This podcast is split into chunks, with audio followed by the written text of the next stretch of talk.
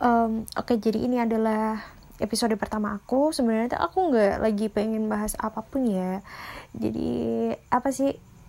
Hari ini tuh emang lagi parah banget seharian tuh bad mood. Udah work from home kan? Terus ditambah kagak punya duit. Jadi ya ketambahan jadi kayak stresnya double gitu gak sih? Jadi um, apalagi doi eh sebenarnya bukan doi sih mas Cruz. Sebenarnya uh, aku naksir dia tapi dia nggak naksir aku gitu.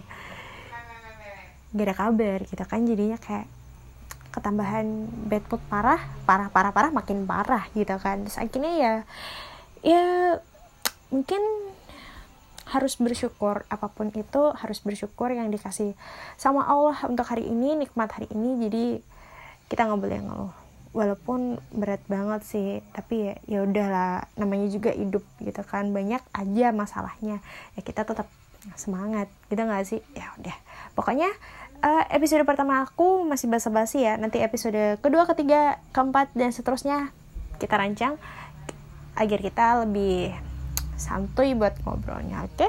Terima kasih